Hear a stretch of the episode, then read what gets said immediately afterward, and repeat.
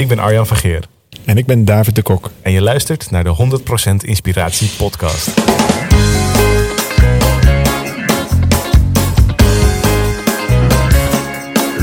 Hey, wat goed dat je luistert. Hij staat weer voor je klaar. Je wekelijkse dosis inspiratie is weer daar. De allerleukste gasten geven al hun kennis prijs. Met je veel te blije host, hij praat je bij. Zijn naam is Thijs. Thijs,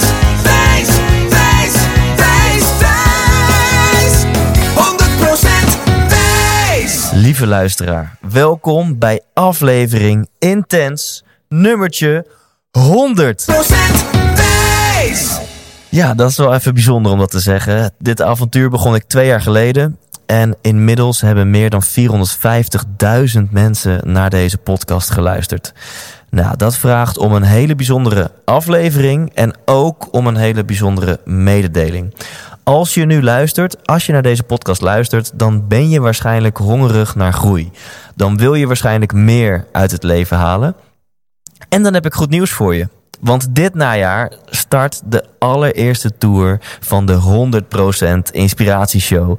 Deze show is een combinatie van humor en inspiratie. En als je al wat langer luistert, dan weet je ook dat dit mijn grote droom is. Ik vind niets leukers dan om mensen te inspireren, om mensen tot nadenken te zetten. En dat op een hele leuke manier. Vol humor, muziek en leuke verhalen. Oftewel, tijdens deze show ga je ontdekken hoe je nog gelukkiger kunt worden. En dat verpakt in een hele hoop entertainment. Tickets die zijn nu te koop op thijslindhout.nl. De tour gaat van Houten naar Groningen, Rotterdam, Hoofddorp en Eindhoven. En met trots kan ik je vertellen dat alle vorige shows compleet waren uitverkocht. Dus ik zou er snel bij zijn. Bestel tickets op thijslindhout.nl en dan zien we elkaar dit najaar. Snel naar het interview. Ik heb hier enorm naar uitgekeken. David de Kok en Arjan Vergeer. Zij zijn oprichters van 365 dagen succesvol. Hun missie is om van Nederland het gelukkigste land ter wereld te maken. En dat doen ze onder andere met hun jaarprogramma. En dat is in mijn ogen het beste programma wat Nederland te bieden heeft op het gebied van persoonlijke ontwikkeling. In dit interview kun je denk ik genieten van drie geluksexperts bij elkaar. We hebben het over hoe je aan de ene kant kunt dromen, doelen kunt hebben. En aan de andere kant, hoe kom je er dan achter wat die dromen en doelen zijn? En hoe kun je ook gewoon elke dag genieten? Hoe kun je een beetje stressloos leven? Ook hebben we het uitgebreid over het hebben van een superrelatie. Want ik ben ervan overtuigd dat je niet gelukkig kunt zijn als je relatie niet in orde is. David en Arjan geven hele concrete tips voor het hebben van een superrelatie. En als dit naar meer smaakt, dan kun je tickets kopen voor hun superrelatie weekend dit najaar in de Ziggo Dome. Tickets daarvoor die kun je bestellen op 365 dagen succesvol.nl. Oftewel 365 dagen succesvol.nl. Geniet van dit interview. Met trots presenteer ik je David de Kok en Arjan Vergeer. 100% Thijs. Ja, ik zit in de, in de Avonds Live. In een, eh, ja, wat is het, een soort van horeca-gelegenheid hier. Eh, de zaal naast ons, daar eh, wordt nu opgebouwd. En tegenover mij zitten eh, David de Kok en Arjan Vergeer. Nou, David, jou heb ik al een keertje eerder geïnterviewd. Dus de vraag die ik nu ga stellen, heb ik aan jou een keer gesteld. Dus laat ik beginnen om die aan Arjan te stellen. En dat is Arjan, wat wil je worden als je later groot bent? Oh jeetje. Ehm, dat had ik natuurlijk kunnen weten dat die vraag zou komen. Want ik heb uitgebreid naar die eh, podcast van jou geluisterd. Ehm, wat ik later wil worden als ik groot ben, is eh, schrijver van kinderboeken. Omdat het me prachtig lijkt om ehm, vanuit eh, de eindeloze wereld van je fantasie iets te kunnen maken waar kinderen zich in kunnen verwonderen en eh, ehm, misschien iets kunnen leren, waar ze kunnen spelen, waar ze eh, zich kunnen verbazen. Dat, dat ik, zelf lees ik nog steeds af en toe een kinderboek. Ik heb laatst weer de Gebroeders Leeuwenhart van Astrid Lindgren herlezen. Nou, die heb ik voor het laatst gelezen toen ik 12 was of zo. En ik kan dan weer opnieuw ontroerd raken en, en echt verbaasd zijn door hoe mooi zo'n boek is en hoe knap dat in elkaar zit. Ja. En dat zou ik nog heel graag wel een keer willen doen, zoiets maken. En, en zou je die kids dan ook een bepaalde boodschap mee willen geven in de boeken die je schrijft? Ja, dat, ik denk dat dat automatisch gebeurt. Als dat heel erg de doelstelling wordt, dan wordt het volgens mij een vreselijk, vreselijk boek. Mhm. Omdat het dan heel gauw heel moralistisch wordt Ja, of ja, vervelend. Maar denk ik gewoon simpelweg vanuit, als ik schrijf vanuit hoe ik nou eenmaal zelf naar de wereld kijk of hoe ik in elkaar zit. En je, je kan volgens mij niet anders. Ja, dan zit daar misschien ook wel een boodschap in. Ja. Maar dat, als ik dat van tevoren ga bedenken, wordt het denk ik heel lelijk. Maar wat een super interessant antwoord. Want nu, eh, ja, je wil jezelf waarschijnlijk geen inspirator noemen, maar wel geluksexpert, denk ik. Hè? Je bent geluksexpert en je eh, begeleidt mensen in een proces om, om gelukkiger te worden, om succesvoller te worden in het leven.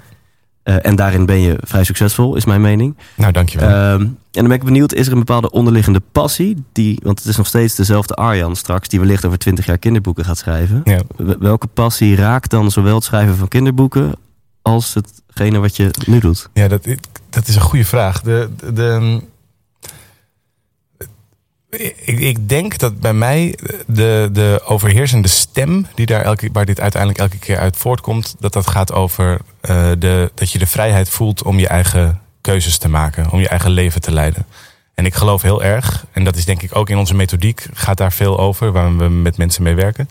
Dat veel mensen nog hun keuzes en daarmee uiteindelijk hun hele leven afstemmen op wat ze denken dat de rest van de wereld van ze verlangt. Dus de, in de maatschappij probeer je ergens in te passen. Of je probeert je ouders niet teleur te stellen. Of je probeert bij je partner te blijven. Ook al ga je over je eigen grenzen. Of doe je concessies. Of bij je werkgever. En daardoor zie je dat heel veel mensen langzamerhand gedurende hun leven vergeten. wat ze zelf ook alweer belangrijk vinden. waar ze eigenlijk voor staan. Omdat ze misschien zelfs die, die vrijheid niet voelen. om dat helemaal te leven. Omdat ja, primaire angst dat je wordt afgewezen. of dat Ja. het niet goed genoeg is. En ik denk dat dat ook iets is waar het heel zinvol kan zijn om daar met kinderen al over te praten en mee te werken of om te spelen. Dat die leren dat wanneer je helemaal op jezelf durft te vertrouwen en je eigen keuzes durft te maken, dat je dan ook eh, goed op je pootjes terecht kan komen. Ja. En dat dat ook heel fijn kan zijn. Dus dan zit het stiekem misschien toch in een bepaalde boodschap die je nu brengt aan volwassenen en die je dan. Ja, ik denk dat ik niet anders kan. Ja, dat precies. is het ellende Ja, met passie, toch? Dat het overal zo bovenop ligt dat het, dat, dat het er automatisch in, zal komen. Tof. Dus misschien is dat iets met, ehm, eh, ja, I don't know, succesvolle mensen of zo, dat ze kinderboeken gaan schrijven. Want dat hoor je best wel vaak. De zanger van Iron Maiden is natuurlijk een heel mooi Oh ja? voorbeeld. Oh, Die dat schrijft, weet ik niet eens. Hij is piloot, hij vliegt zelf het vliegtuig waarmee de band rondtoert. En dan staat hij op het podium. En hij is auteur van kinderboeken. En hij heeft ook zijn eigen consultancybureau. Dus dat is ook zo homo universalis, die gast. Wat een held. Ja. Ehm, ik heb echt 100 miljoen vragen aan jullie over liefde, over relaties, over doelen stellen, over E-players, over wat we dit weekend gaan doen, over jullie relatie, superrelatie weekend. Maar laten we misschien bij het begin beginnen voor de luisteraar die misschien de vorige podcast niet heeft geluisterd of wellicht onder een steen heeft geleefd en jullie nog niet kent. Kunnen jullie kort jezelf voorstellen? Wie zijn jullie en wat doen jullie? Nou, wij zijn eh, David en Arjan van 365 dagen succesvol. En wij hebben een, eh, een programma, een persoonlijk ontwikkelingsprogramma. Zo je wilt, het duurt een, een jaar. Het begint in januari en het eindigt in december. En daar doen eh, een, een behoorlijk aantal mensen aan mee. En dat vinden we te gek om te doen. Ja, dat is het eigenlijk. Ja, we zijn ehm, alle twee vader, wonen in Amsterdam en proberen eh, vooral aan de hand van dingen die we zelf ontdekken, die we zelf leven, daarmee ook anderen te helpen om zelf fijnere keuzes te maken. Dus het kan echt, dat kan zomaar alle kanten opgaan. Dat kan soms heel vanuit hele, eh, nou bijna cognitieve managementprincipes tot aan eh, oude spirituele tradities die de Indianen nog gebruikten. Eh, en zo, zo zo hebben we een soort nieuwe mix gemaakt. Die we in eerste instantie vooral zelf leven. En heel, nou, heel plezierig uitpakt. En daar andere mensen mee proberen te helpen die dat ook graag willen. En kun je daar eens wat meer over vertellen? Uit welke hoeken jullie je inspiratie hebben gehaald? Nou, misschien wel het meeste uit het programma zelf. En we doen het natuurlijk Ja, al waar, een aantal, aantal jaren. En elke keer is het... Is, kijk, wij, wij kijken vooral naar hoe dingen zich ontvouwen. Dus we zijn veel minder van de school dat we een, een soort stip op de horizon zetten... en dan moet alles maar wijken en daar, daar komen. Het is een beetje het oude idee van het succesdenken. Ja. En zeker in de laatste jaren zijn wij een, ook in onszelf en ook in ons programma... een soort, soort, soort bocht aan het maken geweest... waarin het steeds minder gaat over ehm, op kracht dingen voor elkaar krijgen. Dus de, de oude manier van succes maken. Maar veel meer het laten ontvouwen. Dus dan gaat het, het is echt een lagere verwachting. En, en Ja. daardoor een veel hogere verwondering. Wauw. En, en volgens mij zeg je nu heel veel met heel weinig woorden. Kun je daar eens wat meer over vertellen? Nou ja, dus, kijk, deel, deelnemen aan zo'n programma, maar überhaupt deelnemen aan het leven, ehm, komt bij veel mensen met het idee dat er, dat er iets van te verwachten valt. Dus, dus, dus, je hoort natuurlijk ook veel mensen zeggen: maak er iets van, of word de beste versie van jezelf, of allemaal dat soort Ja. zaken. En daar, daar, daar is natuurlijk niks mis mee. Alleen daar zit een idee over wat het dan zou moeten zijn. Sterker nog, maar dat hebben we in ons eerste interview ook al eens eh, gedebatteerd. Over de vraag van wat zou je willen worden als je, als je groot bent. Daar hangt eigenlijk al een verwachting aan. Dat, dat schetst eigenlijk hoe je zou willen zijn. Terwijl dat is met alle respect misschien niet het meest eh, waardevolle voor het nu. Laat ik me voorzichtig uitdrukken. Omdat daar namelijk een, een, een zweem van verwachting omheen hangt. Ja. En veel mensen worden denk ik ongelukkig bij het idee dat iets eh, moet zijn anders dan het nu is. Het wordt heel anders op het moment dat je mensen leert, of, of het is eigenlijk een andere manier van kijken, dat alles wat je nodig hebt er eigenlijk al is. Alleen dat je het simpelweg nog niet kon zien. Nou, op het moment dat je dat hebt, dan wordt ineens alles, gewoon wat er is, is oké. En daarbinnen, jeetje, dat dat er ook is, zeg, dat heb ik gewoon nog nooit eerder gezien. En dan gaat het dus in plaats van de verwachting, hè, het moet zo zijn. En waarom is het er nog niet? Naar verwondering. Dat is te gek. Wat een groot cadeau is dit. Als je op die manier kijkt, en wij zijn dat zelf nu steeds meer zo aan het, aan het ervaren, dan, dan wordt elke dag echt een cadeautje. Ja. Ja, dit vind ik al zo magisch interessant. Want er zijn zoveel mensen die wel die stip aan die horizon hebben. Hè? Want Mhm. ik wil astronaut worden. Of ik wil Ja. multinational. Ik wil, I don't know. En die houden zichzelf voor de gek dat dat ook de enige weg is naar geluk. Dus alleen als ze dat doel bereiken. Ja. Ik wil partner worden bij Ja. de advocatenkantoor, whatever. En jullie hebben gemerkt de afgelopen jaren in jullie programma... dat dat misschien niet the way to go is. Nou, dat en, en ook vooral aan onszelf. Dus ook wij hebben precies zo gecreëerd, jarenlang. Een, een stip op de horizon en dan nou ja, gewoon op, echt op wilskracht eh, iets voor elkaar krijgen. En, en zeker als je daar ook nog eens, moet je je voorstellen dat je, dat je daar ook nog eens wind mee vangt. Dat het succesvol wordt. In ons geval is dat denk ik gebeurd. Als ik kijk naar de omvang. En, en dan kijk je op een gegeven moment terug en dan denk je, ja, maar ja. Maar, we gingen het toch hebben over Nederland een gelukkig land. Hoe gelukkig zijn we eigenlijk zelf? Of is dit wel de manier om het, om het te doen? Nou, deze dus, eh, ik zeg helemaal niet dat dat geen goede manier is om het te doen, maar wel welke intentie daarachter zit. En als je daar dieper naar kijkt, dan, dan blijkt er ook bij ons, denk ik, eh, best wel veel verwachting achter te hebben gezeten. Gewoon simpelweg eens kijken hoe ver wij kunnen komen. Met andere woorden, Ja. nou, wij zijn nu hier, dat vinden we wel aardig, maar we willen eigenlijk graag ergens anders zijn. Terwijl op het moment dat je, nou, de staat van zijn die we, die we eh, denk ik nu veel meer leven, zijn zo intens happy met wat het nu is. En dat je met de mensen die er zijn. En dat hoeven er ook helemaal niet heel veel meer te zijn. Het maakt gewoon niet uit. Zelfs als we, als we met twee of drie mensen eh, aan het werk zijn, in plaats van met duizenden mensen, dan is dat net zo eh, bevredigend. Ja. Omdat het gaat over waar je nu bent, niet over waar je over een hele tijd wil zijn. Ja, en we duiken nu meteen op de diepte in, maar dat is misschien ook wel mooi, want ik kan de drang tot vragen stellen gewoon niet onderdrukken. Dan vraag ik me nu af, ehm, hoe vind je dan een balans? Want even ervan uitgaande dat die stip aan horizon, dat dat wel een stip is die bij jou past. Dat is wel waar jouw passie ligt, waar je energie van krijgt, whatever. Hoe vind je dan balans in daar wel achteraan gaan, maar genieten van het proces? En ook loslaten of je dat wel of niet gaat bereiken. De- volgens mij is er helemaal niks mis met het hebben van zo'n mooie grote droom. Hè. Dat kan, heel, kan ook heel veel inspiratie geven en heel veel energie. En heel veel richting ook. Veel Anders ga je, gaan schiet je Ja, alle kanten. Je hebt iets om je op af te stemmen, dus dat is heel prettig. Toevallig waren we twee weken geleden waren we in eh, Spanje. En daar hebben we zo'n ehm, eh, in de Pyreneeën zo canyoning gedaan. Dat je door in zo'n kloof gaat en dan met zo'n eh, wetsuit aan en je in zo'n rivier laat meeglijden door die, eh, door die rivier en over die rotsen. En wat daar interessant was, wat we daar ontdekten, was dat dat eigenlijk een heel makkelijk proces is. Je door die rotsen te laten inglijden. Je komt in zo'n whirlpool en dan kom je weer naar boven. En dan brengt de rivier je weer een stuk verder. En toch merken we ook de hele tijd aan onszelf. Ik merkte in ieder geval bij mezelf. Dat je de hele tijd bezig bent om die eh, rivier niet te vertrouwen. Namelijk door eh, sneller te willen zwemmen dan dat die rivier eigenlijk gaat. Of door juist heel erg tegen te willen zwemmen. Zodat je een tijdje op dezelfde plek blijft hangen. Om eh, maar niet mee te worden gesleurd. En op het moment dat precies die twee dingen, langzamer dan de rivier, sneller dan de rivier, dat je die kunt loslaten. En zoals wij echt heel regelmatig daar deden, op ons rug liggen en een beetje om ons heen kijken naar die prachtige kloof waar we doorheen gingen. Dan merk je dus dat je en in een richting gaat waar je graag naartoe wil, namelijk het vertrouwde eindpunt van die rivier.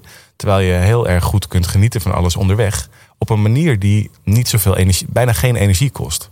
En dat vond ik zo'n mooie metafoor over hoe je ook deze reis kunt maken. Deze ja, levensreis bijna, Ja. die wij aan het maken Ja. zijn. Waardoor je dus juist wel ergens naartoe bent, onderweg bent, wel een Ja. prachtige reis aflegt. En ondertussen heel erg ontspannen kunt zijn in, eh, in wat er ondertussen gebeurt. Ik hoor je eigenlijk zeggen, je, je moet de natuurwetten niet negeren.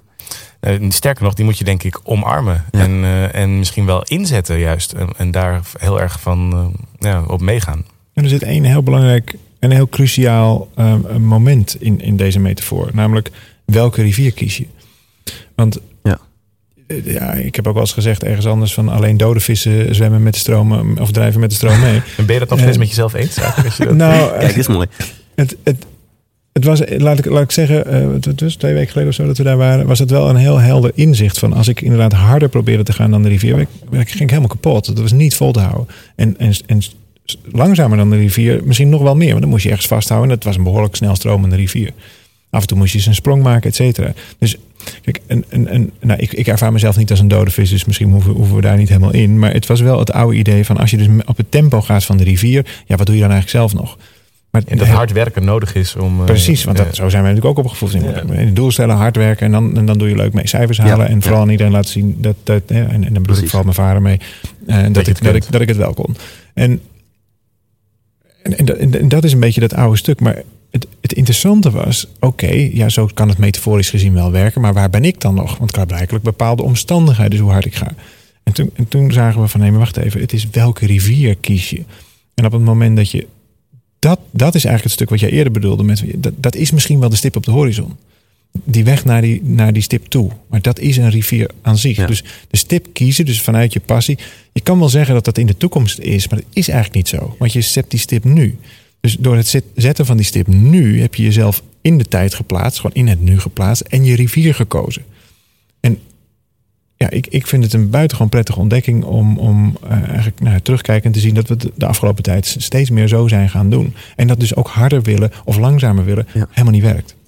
Dus kies uiteindelijk een stip, dus niks mis mee. Als die stip Juist, past ja. bij, bij Ja, kies je bent. rivier en, en, en, dus de uit, rivier uit, om in de- uit- uitkomst van die rivier. Ja, Ja. En heel mooi zeg je, ja, die stip ligt eigenlijk niet in de toekomst. Die stip ligt eigenlijk in het hier en nu. Ja. Eh, en vervolgens geef je over aan het proces. Hoor ik dat jullie eigenlijk zeggen? Nou, misschien heb je wel eens op een trein moeten wachten. En dan eh, ervaar je hoe langzaam de tijd gaat. En misschien ben je wel eens op een heel leuk feestje geweest. En dan ervaar je hoe ongelooflijk snel de tijd gaat. Dus tijd is een heel relatief begrip. En op het moment dat je dat ook zo durft te zien, dat, dat je het kiezen van de rivier is zowel voor de toekomst kiezen als voor het nu, dan is het een tijdloze keuze geweest. En volgens mij zijn er een aantal van dat soort eh, processen die eigenlijk helemaal niet tijdgebonden zijn. Die zijn veel meer keuzematig gebonden. Ja. En, en ik denk eerlijk gezegd dat, dat de meeste mensen niet echt kiezen. En dus een beetje soort met de tenen in de rivier, of eigenlijk niet in de rivier, of soms in de verkeerde rivier, Ja. of whatever. Dus de, de kracht van je keuze is denk ik het, misschien wel het, het meest onderschatte eh, ehm, stuk van, van mensen. Ja, en dan kom je op het gebied van hè, hoe vind ik dan mijn passie? We kunnen het zo meteen eh, ook over gaan hebben. Ehm, ik, ik hoor jullie en ik, ik, ik ben het met jullie eens. En het, en het klinkt ook heel mooi van, nou ja, laat je meestromen met de rivier. Bij jullie is heel veel wind in de zeilen gekomen. Jullie staan nu voor meer dan duizend mensen. En zes jaar geleden voor een groepje van 60 mensen, denk Ja, ik. Het eerste zoiets, jaarprogramma ongeveer. Ehm, en tegelijkertijd denk ik dan, ja, je, het hangt natuurlijk wel vanaf hoeveel actie je onderneemt. Hè? En of je de juiste strategieën gebruikt. En of je hard werkt richting je succes. Dus hoe vind je dan balans in, ja, zeg maar wel hard werken richting je succes. Maar ondertussen genieten. Snap je wat ik bedoel? Ik weet dus niet of het over hard werken gaat. Dat hebben wij wel veel gedaan hoor. Dus het is een beetje gek dat wij dan nu gaan zeggen van ja, werk vooral niet te hard. We hebben ontzettend hard gewerkt. En dat heeft ook ten dele hele goede resultaten opgeleverd. En tegelijkertijd, er is misschien nog wel een andere manier om te creëren dan, dan hard werken. En dat is misschien wel ehm, je, je, je, je nog zuiverder af te stemmen. Dus een van de dingen, nou, om het nog maar even over twee weken geleden te hebben in Spanje. Een van de dingen die we daar leerden, was dat vertragen snelheid oplevert. Want de, de, de reden van die week was dat wij eh, ook gingen nadenken over een nieuwe bestemming voor onszelf. Dus opnieuw een rivier gaan kiezen, opnieuw een stip op de horizon gingen zetten. Nou, normaal gesproken zouden wij dat in een zaaltje doen, een laptop openklappen, wat boeken meenemen, met elkaar in gesprek gaan. En dan hebben we een paar dagen later of een paar weken later hebben we daar een mooie zin bij bedacht. Maar nu hebben we ons laten begeleiden. We gingen daar enorm vertragen. We moesten eindeloos in de stilte wandelen. Dus het is veel meer naar binnen, naar binnen, naar binnen. Helemaal niet, niet per se de manier waarop wij dat zo op de oude manier hadden gedaan. Maar dat leverde ontzettend veel snelheid op in het creatieproces later. Ja. Dus die investering van juist minder hard werken en het laten gaan, dus zelfs er niet aan werken, maar wel met een hele zuivere intentie, zorgde dat we uiteindelijk met een veel groter plan terug zijn gekomen dan we hadden, van tevoren hadden kunnen verwachten. En wat, wat, wat er volgens mij vaak misgaat, is dat mensen denken dat je moet kiezen. dat het dus ofwel een leven vol activiteit en acties en de hele tijd maar dingen doen. Of je, gaat, je kiest voor wat meer vertrouwen en, eh, en dan ga je onder een boom zitten en dan hoop je dat er een zak met succes uit de, uit de lucht komt vallen. En die, dat, volgens mij is dat een vals onderscheid. Ik geloof, ik denk dat dat, dat helemaal niet effectief is. Dat je, dat je daar tussen die twee dingen zou moeten kiezen. Dat is heel polariserend en volgens mij helemaal niet waar. Want ik denk juist dat je heel erg vanuit ontspanning en vertrouwen en afstemming ook heel actief kunt zijn. We zijn ondertussen nog wel gewoon aan het werk. En we boeken ook een Ziggo Dome en we Ja. schrijven stukken en we maken filmpjes en we doen dingen. En, en dat, dat gebeurt ook met heel veel liefde en energie tegelijkertijd. Maar niet om per se een bepaald korte termijn doel af te dwingen Ja. of te forceren. Maar meer omdat het eigenlijk een soort van logisch is eh, op de plek waar we nu zijn. Ja. Dus van oké, ja, dan doen we dus nu dit. Dat is eigenlijk heel Ja. gewoon. Ja, en er zit nog één, één ander ding in, denk ik. Dat, dat snel het idee leeft dat als je iets bedenkt, dat je het ook zelf moet doen. En als we nou iets hebben geleerd in de afgelopen eh, jaren, is dat, dat wij eh, graag het domste jongetje van de klas zijn. Eh, want dan valt er namelijk het meest te leren. Er zijn altijd mensen op een deelgebied veel verder dan jij zelf bent. Dus wij doen relatief weinig. Ehm, waardoor we ook meer tijd hebben en meer rust hebben om nou, na te denken, maar ook om niet aan het werk te zijn, et cetera. Dus we stellen ons elke keer eigenlijk de vraag van... oké, we, we hebben, we hebben deze intentie. Dit zou gaaf zijn als in ons leven gebeurt. En dan stellen we ons min of meer open... zonder al te zwevig te willen klinken... voor mensen die dat dan vervolgens kunnen gaan doen. Die dat leuk vinden. Die, dat ook, die zich min of meer aangetrokken voelen Ja. tot, dat, eh, tot dat idee. In plaats van... oké, we hebben nu een idee. Nou, plan maken, doelen stellen en dan hard werken. Ja, ja. Dus dan va- verval je eigenlijk in dat eh, oude adagium. En, en daar, ja, daar worden wij in ieder geval niet per se heel gelukkig En van. tegelijkertijd is het niet inherent aan succes dat je soms dingen op de korte termijn moet doen die niet leuk zijn, die een beetje pijn doen. En als je daar doorheen weet te bijten, nou, dat is, dat is weer een heel negatief woord, maar hè, als je dat ervoor over weet te hebben, dan zul je dingen bereiken die andere mensen niet bereiken. Kijk, als je weet waar je het voor doet, doet het automatisch geen pijn. Misschien is het wel, als je het los Ja. beoordeelt, eh, zijn het een minder leuke meters. Dus ik ben het wel met je eens dat ik, dat ik wel vaak zie dat, dat eh, zeker startende ondernemers niet bereid zijn om de vieze meters te maken, zoals wij dat dan wel eens hebben gezegd. Maar op het moment dat je precies weet, hey, dit is mijn rivier, daar stroom ik naartoe. Dan zijn automatisch de meters ook niet meer vies. Dan zit je op dat moment in dat stukje van de rivier. Waar, ja, waar je even. Nou, wij moesten een, een sprong maken van, van. Hoe was het? Het was echt een serieus aantal meters. Weet je nog? Daar, daarboven. En ik wist dus niet of die pool diep genoeg was. Maar ja, er was maar één manier om verder te komen. Nou Ja, toch maar springen. Nou, dat, dat zijn die moeilijke meters. Ja. Maar je weet waarom je ze Ja. maakt. Want je wil namelijk aan het eind, eh, aan het eind zien wat, eh, wat, dus wat dat de- is geworden.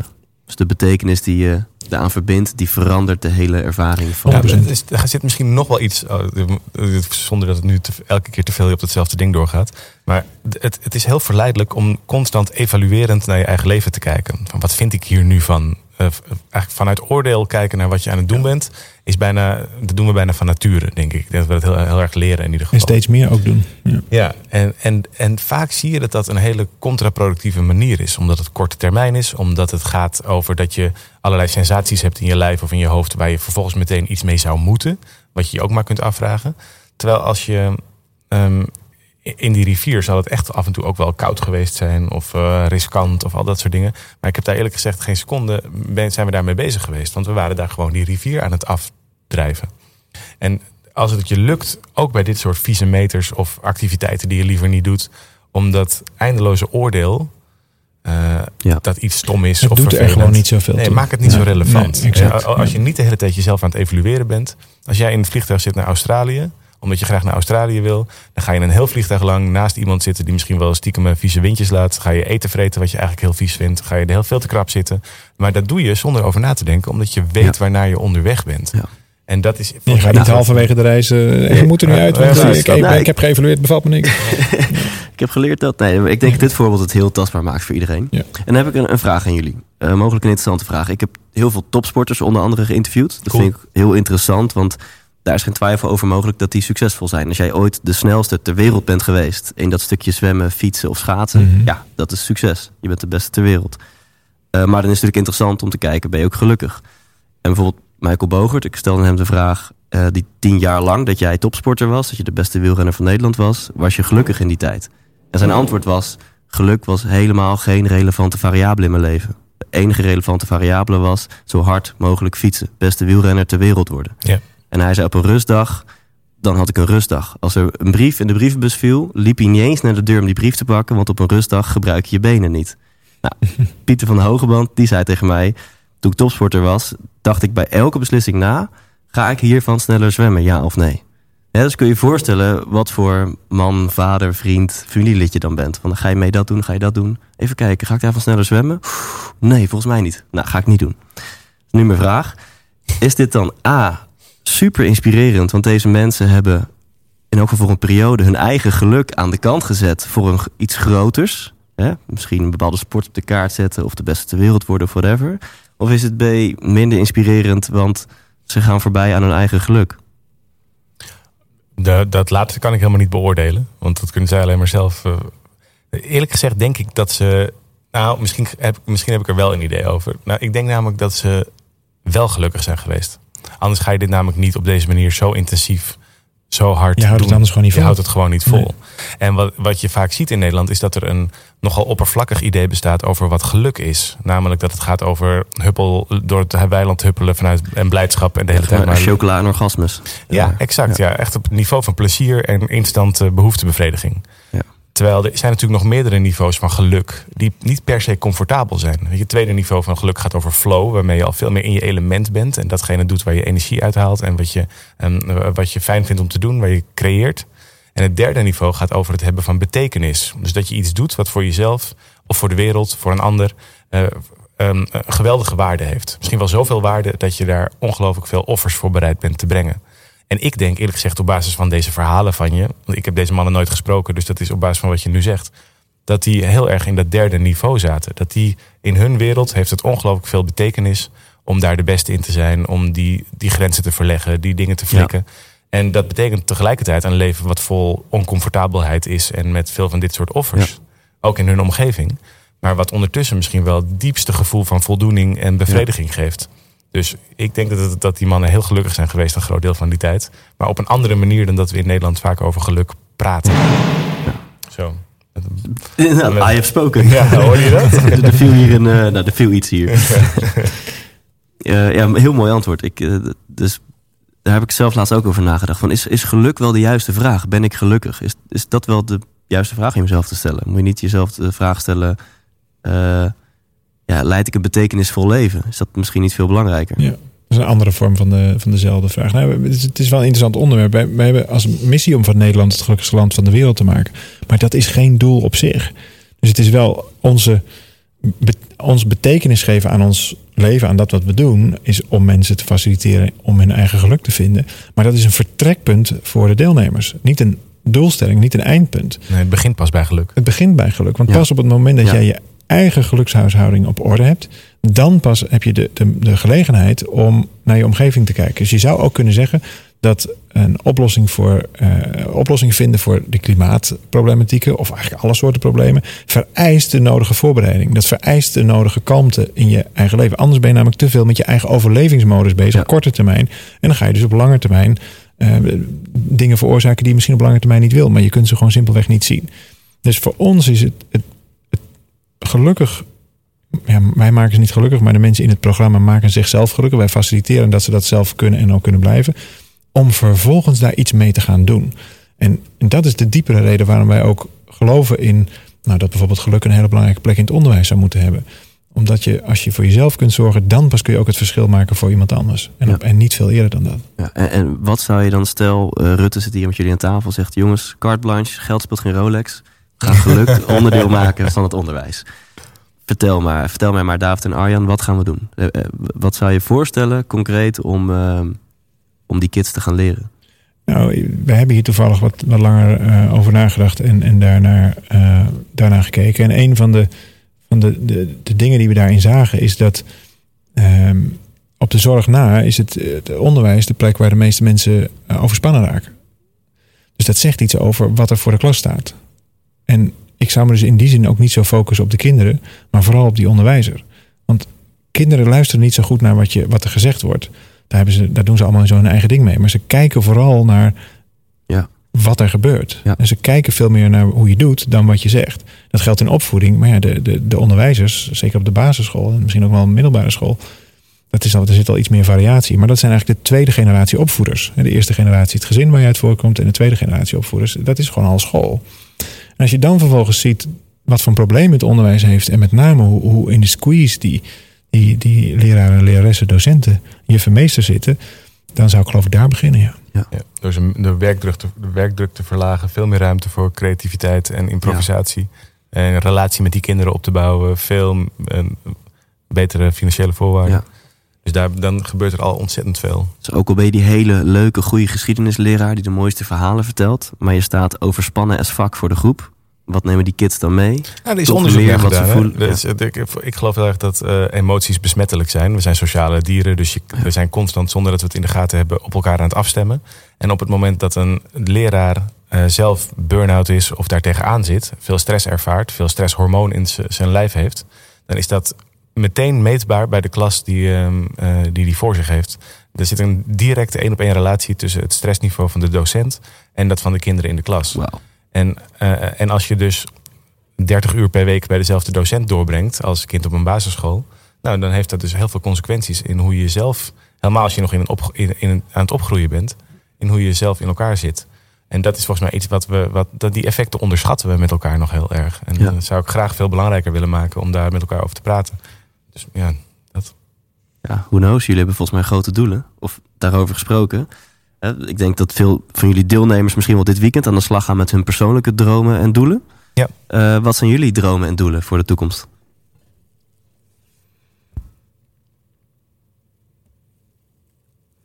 En toen bleef het even stil. Het is maar net op welke, eh, hoe ver je dit gaat. eh, je- je- uiteindelijk zou je namelijk zo, zo ver kunnen gaan dat ons werkelijke droom is misschien wel helemaal op aarde. Om- Omdat als je gaat kijken naar alles wat we aan het doen zijn, wat we aan het onderzoeken zijn, gaat heel erg over dat, het, dat, dat mensen in staat zijn om in vrede en in vrijheid met elkaar samen te leven. Waarin iedereen zichzelf vrij voelt om zijn eigen keuzes te maken. Waarin dat gaat op een manier dat je elkaar versterkt. Je onderdeel bent van een groter geheel. En ja, dat tegelijkertijd, daarom waren we misschien even stil. Omdat dat, zo, dat is natuurlijk zo'n ehm, eh Bijna idioot, religi- wel bijna ideologisch of idioot religieus. groot, eh, ja, groot, ja. Groot, groot doel. Dat, dat, eh, dat we altijd soms, soms nog een beetje twijfelachtig zijn om, om daar naar buiten te, om, om dat zo Ja. te melden. En dit klinkt meer als een ideaal beeld wat je hebt van Nederland of van de wereld. Ja. En daarbinnen heb je ongetwijfeld, of misschien ook niet, dat kan ook. Dat is helemaal natuurlijk ook oké. Persoonlijke doelen of met 365 doelen. Je had het net over kinderboeken, we hebben het net over onderwijs gehad. Of zeggen jullie, we zijn aan het flowen en we hebben niet eh, duidelijke doelen? Nou, kijk, als, als, je, eh, als, je, als je doel is, hè, als het eindpunt van die rivier, en het is een lange rivier natuurlijk. Ja. Misschien haal je het eindpunt ook wel helemaal niet, doet er ook niet zo heel veel toe. Maar als dat een rivier is waar je, waar je wel bij vaart, wel grappige beeldspraak. waar je wel bij vaart. Ja, ja, ja, ja, precies. Ik denk, leg nog even uit. leuk. Ja. Ja, waar je wel bij vaart. Dat, dat het, dan dan, dan doet, doen al die tussenstations er eigenlijk steeds minder toe. En we hebben natuurlijk nu het voordeel dat, het, dat, er, dat er de nodige populatie is. Het is al iets. Het is al iets. En dat was natuurlijk een aantal jaar geleden. Ja, moesten we er heel hard voor werken om het iets te laten zijn. En, en nu is er een, een bepaalde mate van. Nou, een bepaalde mate van, van werkend systeem. Er is een bepaalde mate van eh, volume in onze seminars. Waardoor we ook, ook kunnen kijken, willen we nou verbreden of verdiepen. En daar komt een interessante ontvouwing, als ik dat woord mag gebruiken, uit. En want als wij stil zijn. En, en dus vertragen en voelen van, van waar, waar gaat dit heen? Wordt het een bredere rivier? Wordt het dus meer mensen door hetzelfde programma? Of wordt het hetzelfde programma met veel meer diepgang? Nou, en dan ga je vervolgens naar jezelf kijken. Ja, waar, waar heb je eigenlijk zelf meer behoefte aan? Willen we meer van hetzelfde en groter en groter en groter? Dat was het altijd geweest. Of is het, is het mooi zo en wil je dieper, dieper, dieper? En dat was een hele mooie uitkomst ehm, van, van dit jaar. Dat we, dat we steeds meer neigen naar dieper, dieper, dieper. Ehm, omdat het gewoon de fase is waar we zelf eh, aangekomen zijn. Ja, daar hoort een, daar hoort een begrip bij wat, eh, wa- wat David vaak in, de, in zijn eh eh, zweethutceremonies ervaart. Maar wat oorspronkelijk uit de relatietherapie volgens mij komt. Of nog zelfs nog iets langer terug uit filosofie. Eh, is, is een, een term die heet sacred space. En dat gaat ervan uit dat er altijd iets is als de, de ruimte tussen twee mensen. Of tussen meer mensen, zoals wij hier nu met elkaar aan tafel zitten. En daar in die sacred space, in die ruimte, daar vindt de relatie plaats. En de, als, je, de, als je goed nadenkt over dat begrip, dan zie je in heel veel relaties of heel veel manieren waarop bijvoorbeeld liefdesrelaties plaatsvinden. Kinderen groeien op in die sacred space tussen die, tussen die geliefden. Eh, maar ook in eh, ondernemingen of in bedrijven. Hoe zit dat daar op een afdeling of tussen mensen? Hoe zit het in een schoolklas? Hoe zit het op allerlei plekken? En dan zie je dat veel van die sacred space, die ruimte tussen mensen waarin zo'n relatie plaatsvindt, dat die vaak eh, vergiftigd wordt. Omdat mensen daar cynisch zijn, overdreven kritisch, ehm, eh, heel afwijzend, oordelend, eh, Of misschien wel afgeleid, Of genegeerd überhaupt niet zijn. Niet zijn ingecheckt. Ja, nee. Gewoon helemaal niet ingecheckt. Daar begint het eigenlijk al. Niet zijn. Ja. En de- omdat jij vroeg van nou, wat is nou je droom of wat zou je willen? Dat hele, ik vind dat idee van sacred space, wat, wat iets is wat wij nu de laatste tijd heel erg aan het onderzoeken zijn en aan het verdiepen zijn. Dat, dat vind ik echt een magisch begrip om, ehm, eh, als, het, als je kijkt naar samenwerking, naar relaties, naar eigenlijk alle plekken waar mensen Maar ook samenkomen. hoe wij evenementen vormgeven. Ik bedoel, dit, is een, dit is echt wijsheid achteraf. Maar volgens mij, als het ons nou iets onderscheidt hoe wij onze evenementen, onze jaarprogramma-dagen vormgeven, is dat eigenlijk Sacred Space. Ja. Het is helemaal goed wat er is. Je bent zo welkom. En, en, en dat gevoel is, van veiligheid en ja, is, is, aanwezigheid. is heel, Ja. heel bijzonder. Ja, en dat ja. werd ook altijd zo benoemd. Wij wisten alleen niet zo goed wat het nou eigenlijk was. Ja. Totdat ik op een gegeven moment dat in, inderdaad, eh, dat is interessant dat je dat zegt, relatietherapie. Ehm, ik ben het in mijn eigen relatie heel erg tegengekomen. Dat, dat, er, dat, er, dat die ruimte ertussen eigenlijk de relatie is. Helemaal niet, je hebt helemaal niet de relatie met die ander. Dat is een bepaalde vorm van waarnemen. Maar je hebt vooral een relatie met de ruimte ertussen. Dat wat er beweegt. En als je dan kunt voelen, hey, is dit sacred space of niet?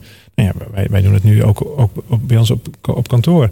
Eerst inchecken en dan vervolgens checken, nadat je bent ingecheckt, is dit sacred space? En als het niet sacred space is, nou, dan houden we ook op met creëren. Want dan Ja. creëer je, dus- zelfs als je dan wel iets creëert, wat natuurlijk in, ook bijvoorbeeld in relaties veel gebeurt, dan creëer je meestal niet het meest fijne wat je kunt creëren. Is dat, is dat heel vaag als, ik het, als we het Nou, zo zeggen? Of snap, heb je een beetje. snap Nou, je wat, ik- wellicht wat, kan je wat ik bedoel? eh, het, het term sacred space nog meer toelichten. Dat je zegt van, hé, want je zegt ook, hè, dan checken we met z'n allen, is er sacred space of niet? ja. Dat is misschien voor sommige mensen dat ze denken, hè, maar wat, hoe, eh, wat? Ja, nou, ja het, lastige met woorden is dat het vaak kleiner, dingen kleiner maakt. Maar je kunt simpelweg voelen of, je, of het veilig is eh, met elkaar aan tafel.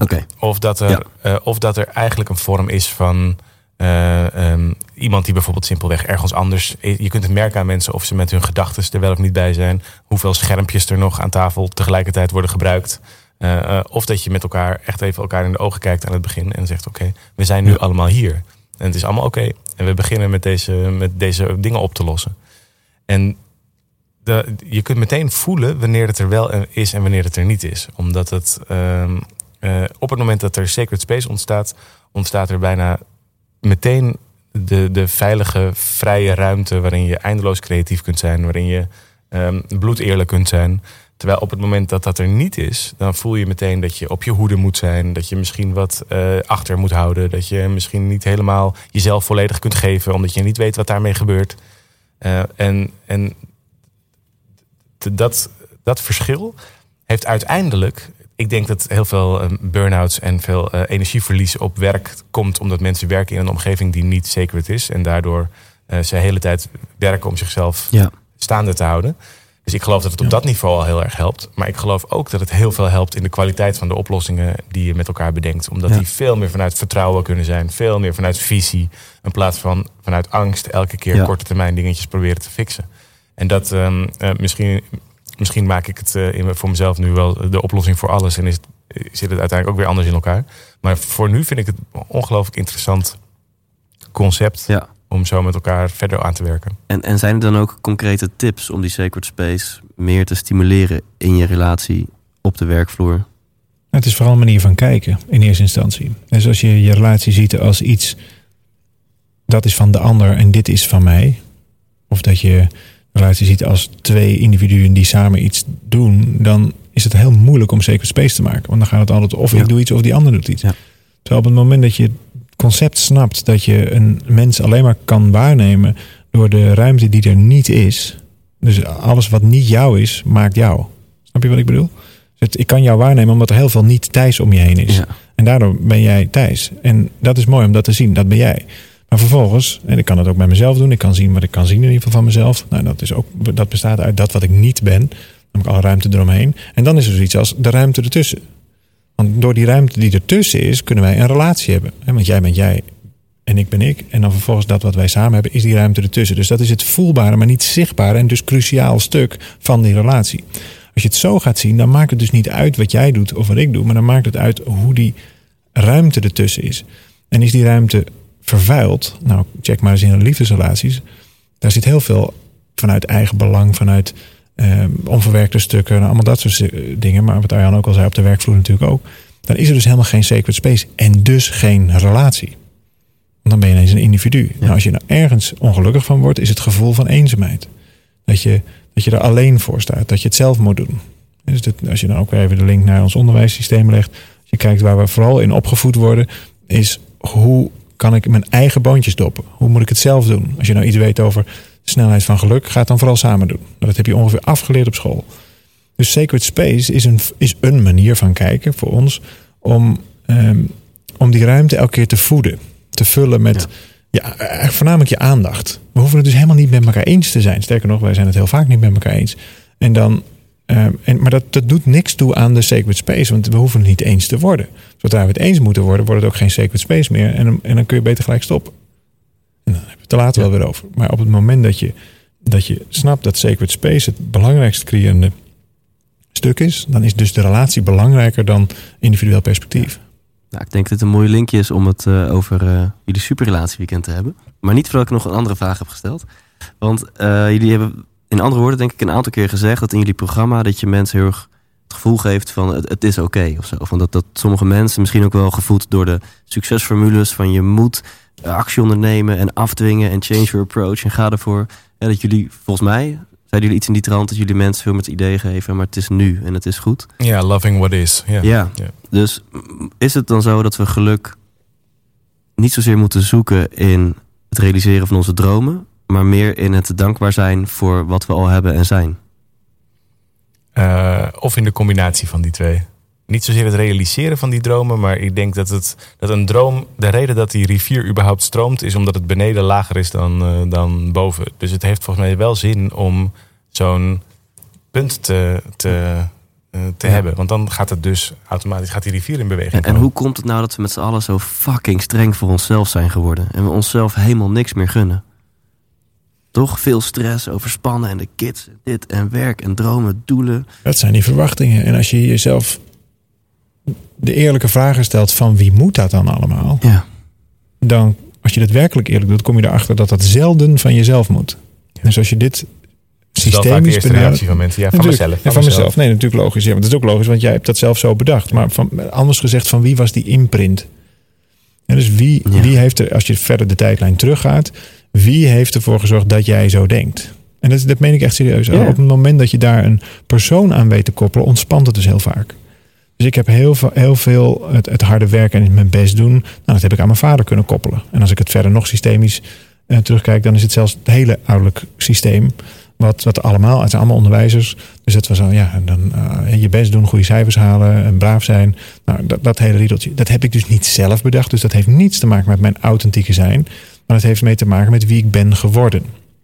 Wij noemen het in onze methodiek ook wel het tweede geweten. Dus je eerste geweten is eigenlijk je zuivere kindgeweten. En je tweede geweten is dat waar je, waar je het mee afstemt. Nou, dat is altijd dus iets met de omgeving in plaats van iets wat puur van jou is.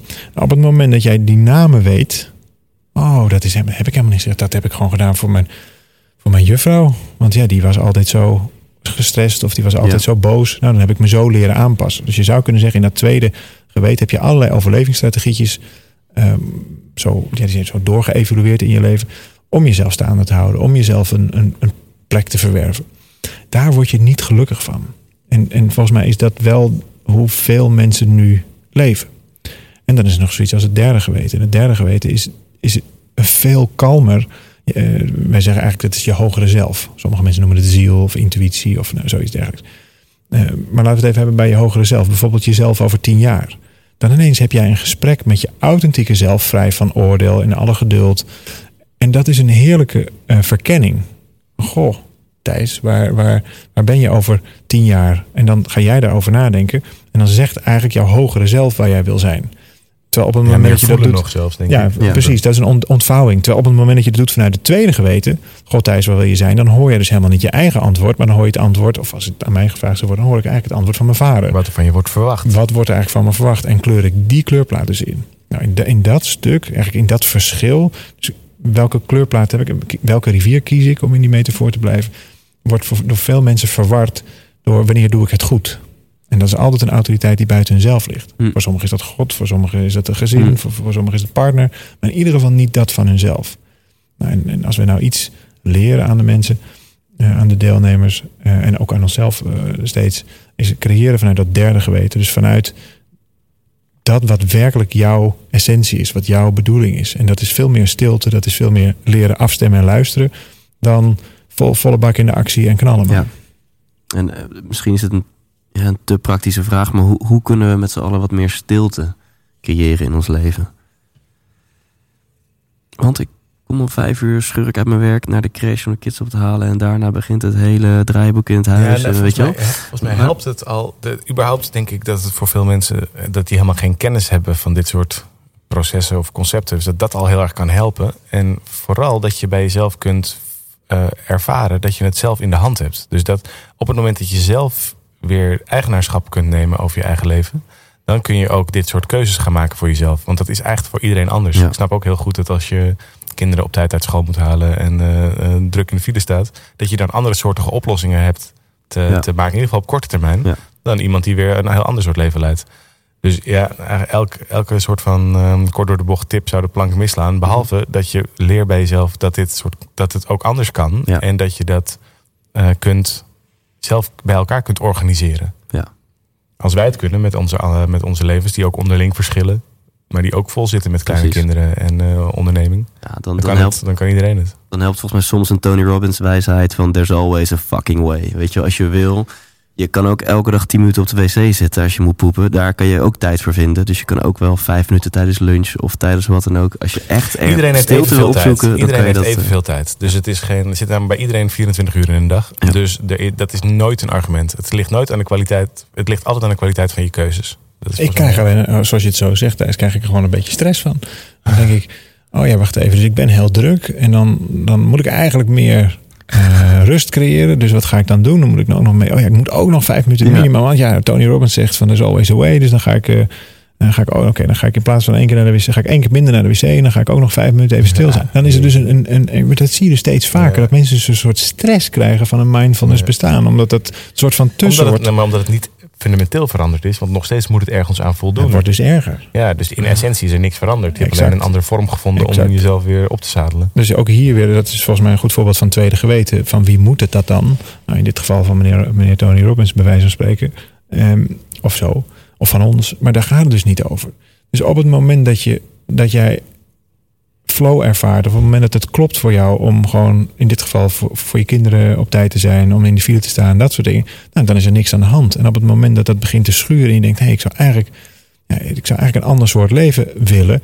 Dan in plaats van dat op, op wilskracht te gaan omgooien stiller te worden, maar daar heb je dan ook alle tijd voor in de, in de file, eh, om dan stiller te worden en werkelijk te luisteren, wat betekent dat dan voor mij? Ja. Ik, ik, ik moet vaak eh racen om, mijn- om mijn kinderen uit school te halen. En dat vind ik heerlijk, want ik, ik weet dat ik en iets gaafs heb gedaan daarvoor en ik ga lekker met mijn kinderen aan de slag. Nou, allebei goed. Nee, je beweegt nog eens Ja. wat. Dus Ja, de oplossing... ja. Ja, Dus, eh, en dat is te zien, dames en heren. Dames vooral. ongekend, ongekend. Ehm, en, eh, de- dus de oplossing is niet om in jouw drukke leven, die, dat blijkbaar niet in flow is, om daar nog eens een kwartier meditatie in mijn kleermaker zit, ergens. eh, Zou ik niet doen. Wij op het toilet. Nee, je, je, je, je, je kiest je leven bij elkaar. Ja, En het eerste wat je wil doen is, is volgens mij beseffen dat dat zo is. En op het moment dat je dat beseft, heb je misschien wel de grootste kracht wat ons mens maakt in handen. Namelijk je besliskracht. Dat je. Zo. een van jullie crewmembers die begint een liedje te zingen tijdens het eh, afbreken van de AFAS, of het opbouwen van de AFAS. Opbouw, ja. De, eh, dus dat je, als je beseft dat je zelf creërend bent. En, en volgens mij is het moeilijk te beleggen dat dat niet zo is. Want uiteindelijk ben jij degene die de keuzes maakt. Ook de keuze om niks te doen is ook een keuze. Ja. Dus dat je zelf creërend bent. Als je dat beseft, dan pas heb je invloed. En dit is volgens mij het, het, het, het stuk wat, wat, nou, wat voor heel veel mensen heel bevrijdend kan werken. Dat je beseft, oh wacht even, dit heb ik wel degelijk bij elkaar gekozen. Ik heb gekozen voor dit bestaan in de file. Ja. Ik heb gekozen voor deze partner. Ik heb gekozen voor whatever het is. Want dan pas heb je invloed. Is dat een van de essentiële inzichten die jullie mensen meegeven tijdens het jaarprogramma? Nou, de baas worden in je eigen leven is volgens mij voorwaardelijk voor alles wat daarna Ja. komt. Op het moment, ja, als, als dat namelijk niet aan de hand is, dan heeft het ook geen enkele zin om daarna nog Ja. dingen te leren. Want ja, je kunt ze toch niet zelf beïnvloeden. Ja. Dus waarom zou je nog?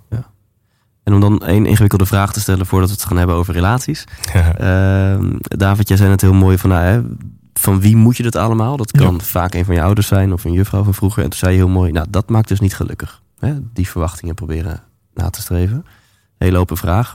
Wat maakt wel gelukkig? Nou, net maakte ik dat onderscheid van die drie niveaus: hè? plezier, flow en betekenis. En ik, voor mij is dat een heel eh, helpend systeem, omdat dat namelijk. ehm, eh, omdat volgens mij bestaat de mogelijkheid dat je die dingen met elkaar combineert.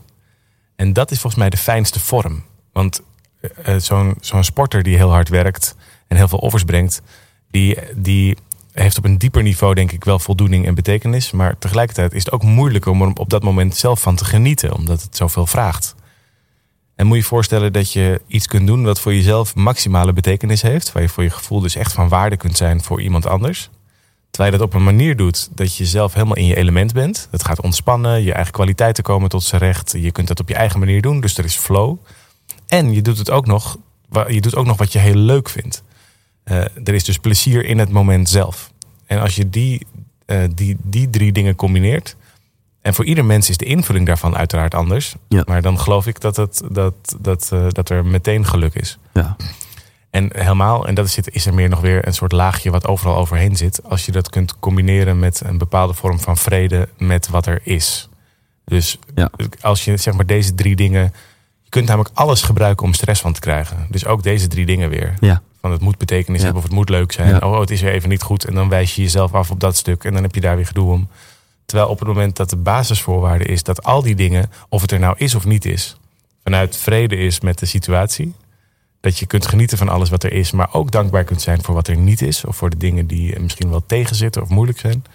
Dan ontstaat volgens mij de vrijheid om, om het spelenderwijs te kunnen doen. In plaats van weer een nieuwe verplichting die je jezelf hebt, hebt opgelegd. Ja. Dus die drie, ja, ik zou zeggen, als je dan toch een formule wil hebben voor geluk, dan zijn het die drie dingen in combinatie met een, Ja. eh, eh, eh, een innerlijke vrede. Komen die bij Aristoteles vandaan, die drie niveaus? Ja, die heeft er als eerste over geschreven. Ja. En in deze formulering komen ze uit de positieve psychologie. Cool. We zitten hier in de, in de AVAS Live. Dat is natuurlijk waanzinnig als we het hebben over jullie eigen succes. Dat in 2012 was denk ik jullie eerste of tweede jaar programma voor een clubje van 60 Ja. mensen. Ja. En nu voor 1500 mensen, vijf keer twee dagen in de AVAS Live. Het kan nog groter, want jullie hebben de Ziggo Dome geboekt later dit jaar. zit hiernaast. Ja. Dat is bizar. Eh, en dat is jullie superrelatieweekend. Vertel er eens wat over. Nou, weet, je, wij, zijn, wij zijn er voor mensen die niet ziek zijn, maar wel beter willen worden. Dus wij zijn, er, wij zijn geen therapeuten, wij zijn niet voor mensen die, die hun problemen willen oplossen. En natuurlijk gebeurt het wel eens, want iedereen loopt wel eens ergens tegenaan. Maar ons, ons programma is in essentie bedoeld voor mensen die er interesse in hebben om er meer van te maken. Die het gevoel hebben, er zit meer in mij, er zit meer in onze relatie. Ik ben toe aan de volgende stap. En eh, dat is steeds wat wij ook doen in onze eigen levens. En dat vinden we gaaf om daarover te vertellen en om daar mensen eh, in mee te nemen. En dat is ooit eens begonnen, eh, ja, bij mij heel persoonlijk, vanuit een, vanuit een nou, niet eens zozeer, een, ja, misschien is het wel eigenlijk een frustratie, maar een relatie die niet goed ge- gelukt was. En toen ben ik, ehm, ben ik op zoek gegaan naar hulp. En toen kwam ik bij een relatietherapeut uit, logischerwijs. Ehm, en mijn toenmalige partner wilde niet mee. Dus toen zat ik bij volgens mij een hele goede relatietherapeut. Die al 25 jaar in het vak zat. En die zei, ik kan je niet helpen. Want ja, de, de, ik, ik moet aan... Je hebt twee Koppeling mensen doen. nodig. Ja. Ja, het- de, relatie bestaat uit twee. Dus ik kan je Ja. niet helpen. En toen heb ik hem gevraagd om toch die sessies met mij te doen. Omdat ik graag meer over wilde leren. Gewoon dan maar vanuit theoretische invalshoek. Nou, toen was ik uiteindelijk klaar met die sessies. En ik ben er op allerlei manieren ook nog weer mee verder gegaan. Allerlei ander verband. En zo ontzettend gretig geworden over... Jeetje, liefde en, en relaties, dat is eigenlijk gewoon iets wat je kunt leren. En man, wat heb ik dit nog niet geleerd. Ik snapte ineens heel goed waarom onze relatie toen ook niet goed uit de verf kwam. Ja. En ook alle relaties daarvoor. En toen dacht ik, ja, dit, dit is zo zonde als mensen dit niet weten. Bij, bij, de, bij de meeste mensen is een relatie hopen dat je de juiste treft. En dan kijken hoe lang je het volhoudt. en dat was bij mij ook zo. En af en toe moet de auto nieuwe wielen. Nou, dan krijgt de auto een keer nieuwe wielen. En dan, hup, en dan proberen we het dan nog een keer. Nou, wat blijkt nou? 50% van de uh, stijlen in Nederland gaat uh, uit elkaar. De, de, de, huwelijken. En, en de tweede huwelijken zelfs meer dan 60%. Dus we worden er eigenlijk slechter in. En, en of we bedenken onszelf het eerder. En, en toen hebben wij elkaar aangekeken en zeiden we, het zou toch wel echt geweldig zijn als we daar een soort oersimpele basisgedachte onder kunnen, kunnen leggen, wat we gewoon overdraagbaar kunnen maken. Dus ja, zo is het eigenlijk begonnen. Ja, weet je, relaties, dat is volgens mij uh, een van de belangrijkste beïnvloeders van geluk. Of je in staat bent je fijn met anderen te verbinden. Tegelijkertijd krijg je er nooit les over. Het is niet op school dat je daar iets over leert. Je, het, ja, tussen, misschien tussen in misschien de ook niet zo'n best voorbeeld uh, van thuis. Nee, thuis kun je ook zomaar nee. pech hebben met wat ja. je voorgeschoteld ja. krijgt. En, en zo leren dus de meeste mensen het met vallen en opstaan. Terwijl ondertussen zijn er een aantal best wel primaire of, of simpele um, patronen die gewoon voor vrijwel alle mensen gelden. Het, het, is natuurlijk zo dat iedereen anders is en dat dus ook of een relatie wel of niet voor je werkt, ook voor iedereen anders is. Maar ondertussen zit, als je nog een laagje dieper kijkt, of twee laagjes dieper, bestaat er zoiets als een soort van menselijke dynamiek die, uh, die voor vrijwel iedereen opgaat. En het, um, het is deze tijd best wel soms lastig om dat te zeggen, omdat het natuurlijk heel erg individualistisch en iedereen is anders en we zijn allemaal verschillend en dus kan dat niet. En volgens mij gaan we daarbij voorbij aan hoe vreselijk veel we op elkaar lijken en hoe vreselijk veel we van elkaar kunnen leren. Jo, en zelfs als dat niet helemaal zo is, dan nog kun je, precies wat je zegt, daar kun je ontzettend veel van leren. Dus het is ook helemaal niet, wij, wij zeggen ook niet, uh, we hebben de wijsheid in pacht. Nee, maar denk er eens over na. En dit is een manier om er naar te kijken. En dat ja. blijkt voor deelnemers in dat programma in ieder geval heel bevrijdend te ja. zijn. En, en ook echt geweldige dingen op te leveren. Ja, het, levert echt, het is echt fantastisch om, om te zien wat er met mensen in, in een weekend gebeurt. We nemen mensen twee dagen mee.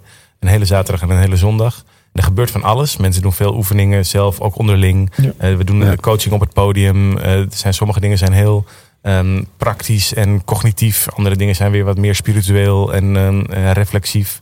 En het is, het is heel interessant om juist binnen die balans daar uit te vissen wat, wat, voor, jij, wat voor jouzelf het beste ja. werkt. Uh, iedereen, ja. Het is net popcorn. Iedereen krijgt een inzicht, alleen allemaal op een ander moment. Ja. Pop, pop, pop. En daardoor zie je dat.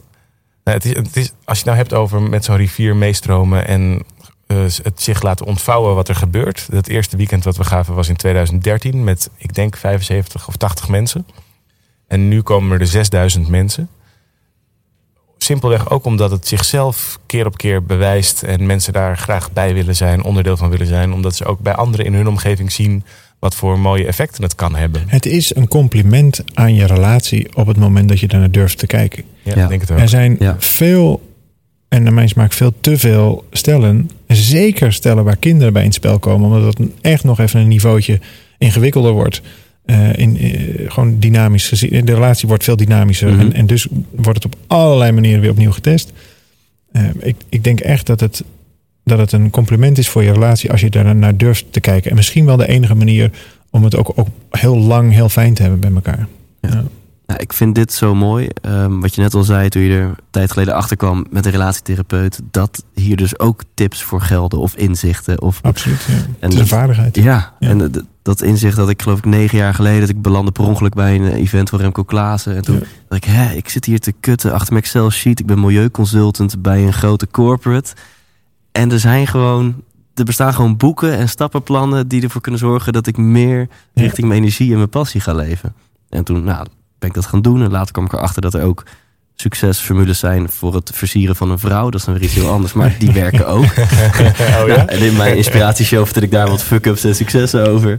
En voor relaties ook absoluut. Het is best bizar. Ik ben het helemaal met jullie eens. Dit is het nummer één ding, misschien wel een van de belangrijkste dingen... die dus de kwaliteit van je leven bepaalt. Ja, ja, absoluut. Je kan niet zeggen, ja, mijn relatie is een vier... maar op de zaak gaat lekker, jongen. Weet je, we compenseren het daar even. Dat, dan ben je nog Niet steeds netto ongelukkig. Nee. Ja. Dus het is zo belangrijk... En er zijn dus gewoon waarheden over. Je kunt er energie in steken. En dan met, met de juiste inzichten wordt die kans veel groter dat het een succesvolle relatie wordt.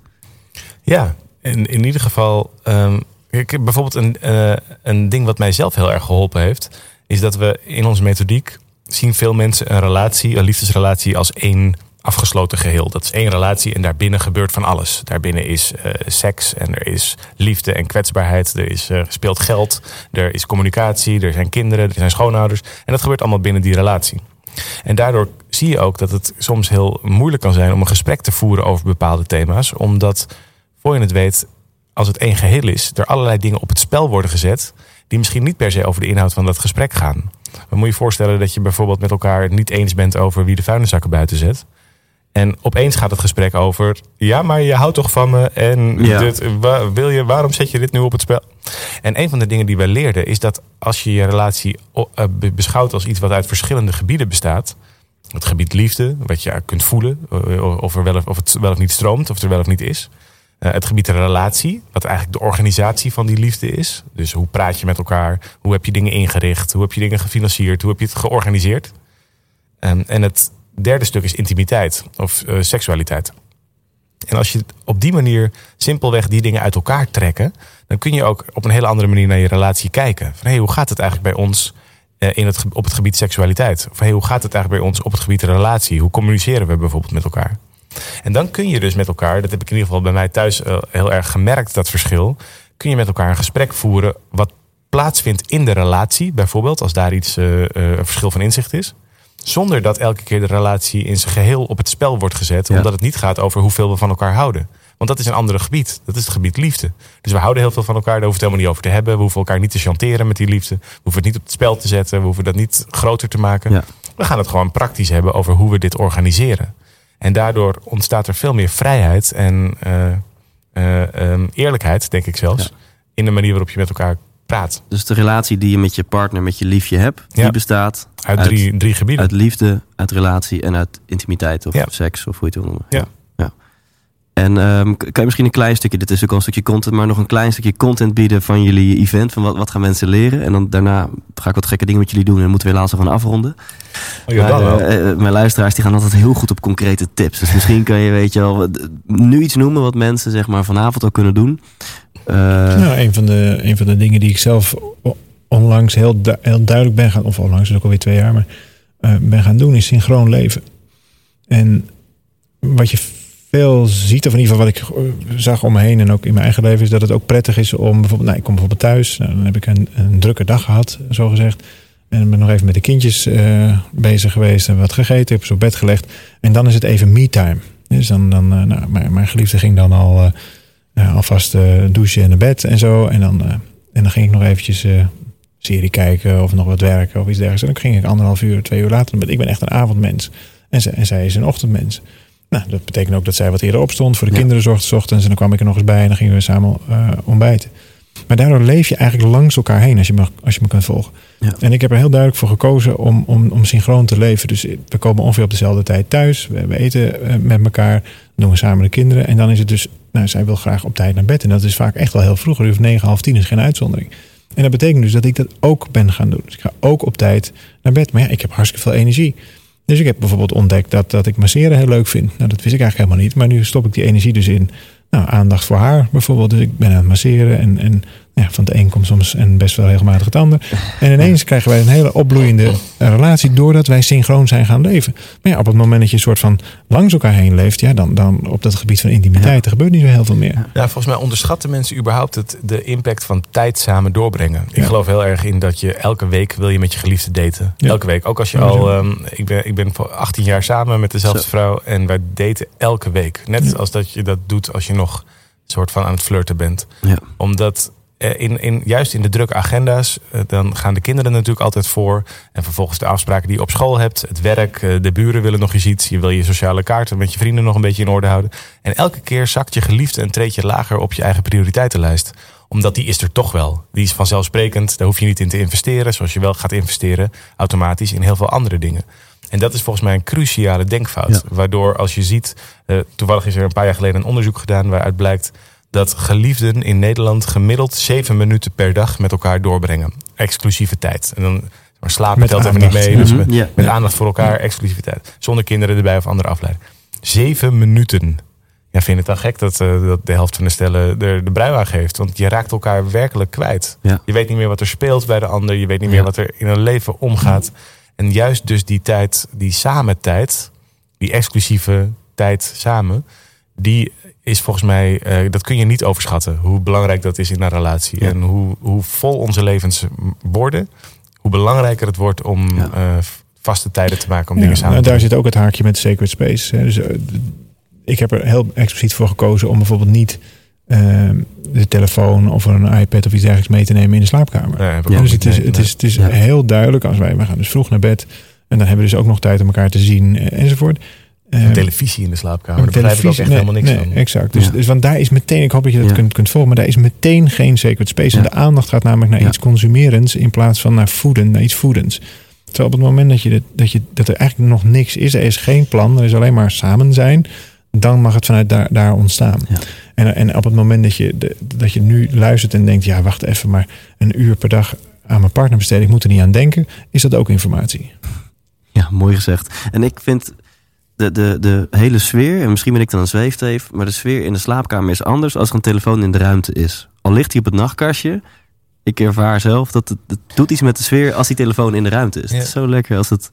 Ja, wij gaan zelfs zo ver dat, er- dat er geen wekker is. Dus het, Ja. het, eh, er is eh, geen enkele, is geen telefoon, geen iPad, geen wekker, niks. En dat betekent dus, nou, toevallig was het vanmorgen dan voor het allereerst dat we onszelf bijna eh, verslapen hadden. Ja. En, en, eh, maar dat gebeurt, dat gebeurt eigenlijk gewoon niet. Nee. Oké, we hebben ook Kleine kinderen helpt ook wel. Die helpen natuurlijk wel, maar dat je gewoon helemaal geen.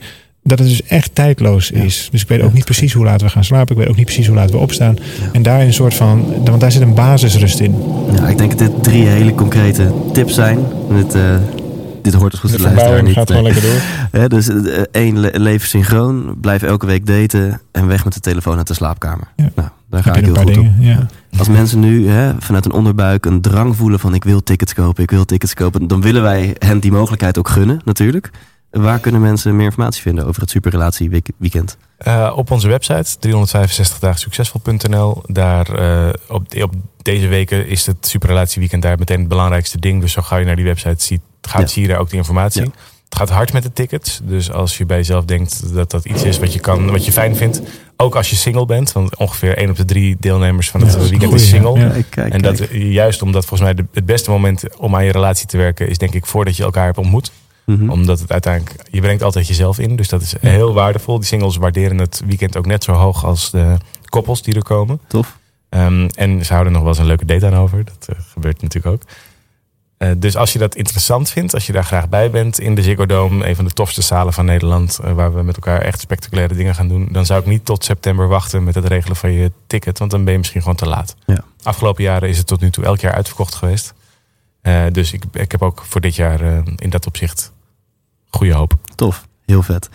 We gaan eh, afronden en dan gaan we lekker eh, lunchen. Maar heel kort even om te kijken hoe goed jullie elkaar kennen. Want die chemie die is tussen jullie. Dat is, dat is leuk. Dat je voorbij zijn. Ik, ik, ik, ik landde op een video van 1 juli 2014. Dus dat is over twee dagen, precies vier jaar geleden. Jeetje. En dat is volgens mij jullie allereerste eh, vlog. En die- dat noemden jullie een videoblog, geloof ik ook nog. Zou kunnen. Ja? Ja. Ik heb geen herinnering Oh, meer aan die dat was heel, dat was heel schattig. Ja.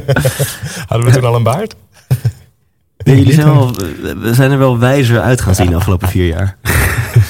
Dat is Kom een maar heel op. lief woord voor ouder. Oké. Kom maar op. Nu- Normaal gesproken vraag ik het natuurlijk aan één eh, gast, maar nu ga ik het dan aan de een over de ander vragen. Dus, dus Arjan, wat is het ideale vakantieland van David? Bulgarije. Is dat goed? Nou, dan kom je aardig, aardig in de buurt. Ja. Dat, is, dat is mooi. Mijn schoonfamilie komt uit Bulgarije, dus dat, daar ben ik vaak. En David, wat is het, eh, het beste boek of het favoriete boek van Arjan? Eh, Hitchhiker's Guide to the Galaxy. dat vind ik wel een heel tof boek, ja. ja. Ik heb niet echt een favoriet. Dus dat hangt me net van mijn stemming af. Maar dat boek zou ik graag eh, weer eens lezen. Goed idee. Oké, nou, 42. gaan we weer naar jou. Wat is de favoriete film van eh, David? Ehm, ja, dat... Jeetje. De favoriete film van David. Ach. Heel flauw YouPorn antwoord komt er nu natuurlijk. Ja. nee, dat, ik zou, dat, dat, dat zou ik eerlijk gezegd niet weten. Geen idee. We hebben het nooit over film. Hm. Wat is je favoriete film? Ja, daar zit ik nu ook, eh, zit ik ook ernstig over na te denken. Nou, zou ik, zou ik lang over na moeten wat ligt er op het nachtkastje van Arjan? Of in? Wat nou, als je... eh, misschien heb jij wel een notitieboekje naast je nachtkastje Ja, dat klopt inderdaad. Je hebt vaak, eh, vaak de goede ideeën in de ochtend. Kijk. Ja. Nou, dat is helemaal goed. Ehm, checken, waar zijn we? Nachtkastje. Wat is de guilty pleasure van David? Ehm, biefstuk. Nou, dat is een bescheiden guilty pleasure. Nou, voor iemand die eh, heel lang Vegetariër is. Oh, dat, dat is wel, ja, oké, oké. Eh, Wat is de favoriete auto van Arjan? Favoriete auto? Ik, ik denk eigenlijk de benenwagen. Want Arjan doet alles het liefst zo dicht mogelijk bij huis. Nog zo gewoon gebleven, die jongen. Nou ja, f- autorijden en in de file staan, dan weet ik dat het je grootste ergernis is. Oh, dus ik, ik ja. gok dat het si- simpel leven is een... Klopt eh, wel, ja. Ja, dat is ja. waar. Nou, dan de, de laatste. Deze vrouw schopt David niet uit zijn bed. Eh Emanuele. Dat is zijn vrouw waarschijnlijk. Dat klopt. Ja. En, en, en, en als je niet dat cheesy antwoord mocht geven, wat zou je dan zeggen? Eh, dan eh, denk ik dat eh, we zijn toevallig vorige week bij Beyoncé geweest. Kijk. En eh, dat Ik denk zou ik heel daar, erg ik denk dat je ik daar ook wel eh, toestemming voor zou krijgen. Ja, Ja, dat, denk die ik mag wel. vast op je lijstje. Denk ik dat wel. dat Ja, is dat een is ongelooflijk, ongelooflijk indrukwekkende vrouw. Je hebt een guilt-free pass voor eh, Beyoncé. Nou, ik denk dat ik ze dan deel. Ja, kijk. Ja, waarom niet? Ja. Ja, we gaan mee naar huis nemen. ook, zorgt er ook die, die gever in jou, hè? Dat je het geven. Ja, natuurlijk. Kijk, dit gaan wij delen samen. Ja. Check, Oké, dan- ik doe een paar on-the-spot vragen en dan, want we zijn er onwijs uitgelopen. Eh, kijken of jullie een beetje hetzelfde antwoorden. Ehm, nou, over auto's Dit- gesproken. Dit wil je dat we dit tegelijkertijd ja, antwoorden? dus ik kom met een tegenstelling en je gut feeling, wat het eerst in je opkomt. Ferrari of Tesla? Tesla. Tesla. Poetin of Trump? Eh, m- Jeetje. Ik onthoud me van enige... je wil hier niet aan. Nou, ik zou ja, de god, jeet, nee. Nee, er valt niks in als zo te zeggen. Groene smoothie of Engels ontbijt? Groene smoothie. Groene smoothie. Maandagochtend yoga of vrijdagmiddag borrel? Vrijdagmiddagborrel. Kijk. Dus, eh, David gaat voor de yoga en jij gaat Ik voor, ga de, voor de borrel. Ja, ik borrel. vind Ja, dat, ja, dat Naakt of pyjama? Naakt. naakt. Gevoel of verstand? Gevoel. Gevoel. Praten of luisteren? Ehm,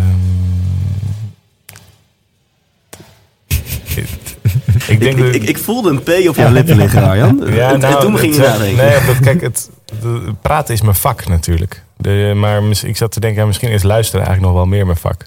Dus daarom zat ik een beetje daarover, eh zat ik, zat ik daarover te twijfelen. Ja, dat, dat- ik zou uit- na, lang, na lang praten zou ik zeggen luisteren. Mooi. Jong en onbezonnen of oud en wijs? Eh, jong, onbezonnen en wijs. Oud en wijs. Oud en wijs. Ehm, hutje op de hei of herenhuis aan de gracht? Weet je op de hei. Tijn. Nou, even dan nog twee. Nooit meer seks of nooit meer muziek? Nooit meer muziek. Ja, nooit meer muziek. Ach jeetje, wat zou, dat zou ook verschrikkelijk zijn. Ja, nee, maar ja, nooit, seks is cruciaal Ja, voor, je, voor de Kan verbinding in je maar niet meer luisteren naar Beyoncé, maar kun je nog wel seks met haar hebben. Dat is toch wel troost. Dat offer nemen we dan maar. Nou, maar wat als ze zingt... Nou goed, dat is... Dat is Oké, geld maakt gelukkig of geld maakt ongelukkig? Gelukkig maken ze geld. Eh, geld maakt tot op zekere hoogte gelukkig. En geld maakt zeker... Het uitblijven van geld maakt zeker ook ongelukkig. Precies, geen geld maakt ongelukkig. Geen geld maakt ongelukkig. Ja. Ja. Heel veel geld maakt niet veel gelukkiger. Ehm, nou, om het af te leren, één dag koning of één dag weer kind? Eén Eh, dag koning.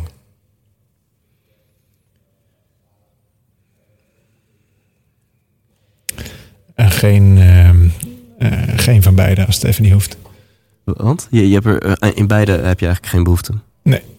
Een koning lijkt me vreselijk. En een, ja, tenzij ik de wijsheid van nu mee mag nemen je met mag mijn kind. tuur- tuur- Dat je zou kunt toch een paar zijn. mooie dingen Ah, misschien ja. wel veranderen als je koning bent. Dat je een aantal dingen in gang kunt zetten. Die hebben invloed, joh, koningen. Die kunnen, die kunnen de, de ministers Lintje bellen. knippen en een beetje wuiven.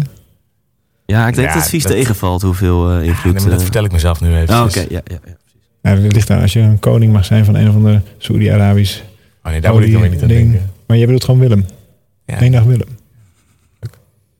Amalia, eten. Misschien, misschien kunnen, jullie, kunnen jullie ruilen. Doe, doe jij het Ziggo-event samen met Willem. En dan kan jij die dag koning spelen. Kijk hoe dat gaat. Nee jongens, we, we kunnen uren praten. Ik heb eh, nog wel tien vragen aan jullie. Maar eh, wie weet dat we het eh, nog een keertje gaan doen. Heb ik een, is er een vraag die ik niet heb gesteld, maar wel had moeten stellen aan jullie? Eh, nee, want dan had je hem wel gesteld. Mooi, Precies goed zo. mooi. Thanks. Dankjewel. Boos. jullie bedankt. Ach, lieve luisteraar, bedankt voor het luisteren naar deze aflevering. En in het bijzonder dank ik David en Arjan voor hun tijd. Dat ze ja hebben gezegd. En natuurlijk voor dit toffe gesprek, dit mooie interview. Mocht je het hebben gemist, check 365dagensuccesvol.nl. Daar kun je tickets kopen voor het Superrelatieweekend later dit jaar in de Ziggo Dome. Ja, en als je dan toch bezig bent, check ook thijslindhout.nl. Want de kaartverkoop is nu geopend voor de allereerste 100% Inspiratieshow Tour.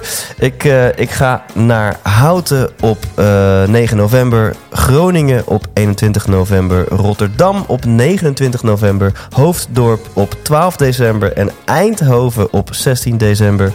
Het is een avond vol inspiratie en entertainment twee dingen, twee factoren waar ik verliefd op ben. Om op een leuke manier, op een avond vol vermaak, ook dingen te gaan leren over het leven. Inzichten op te doen.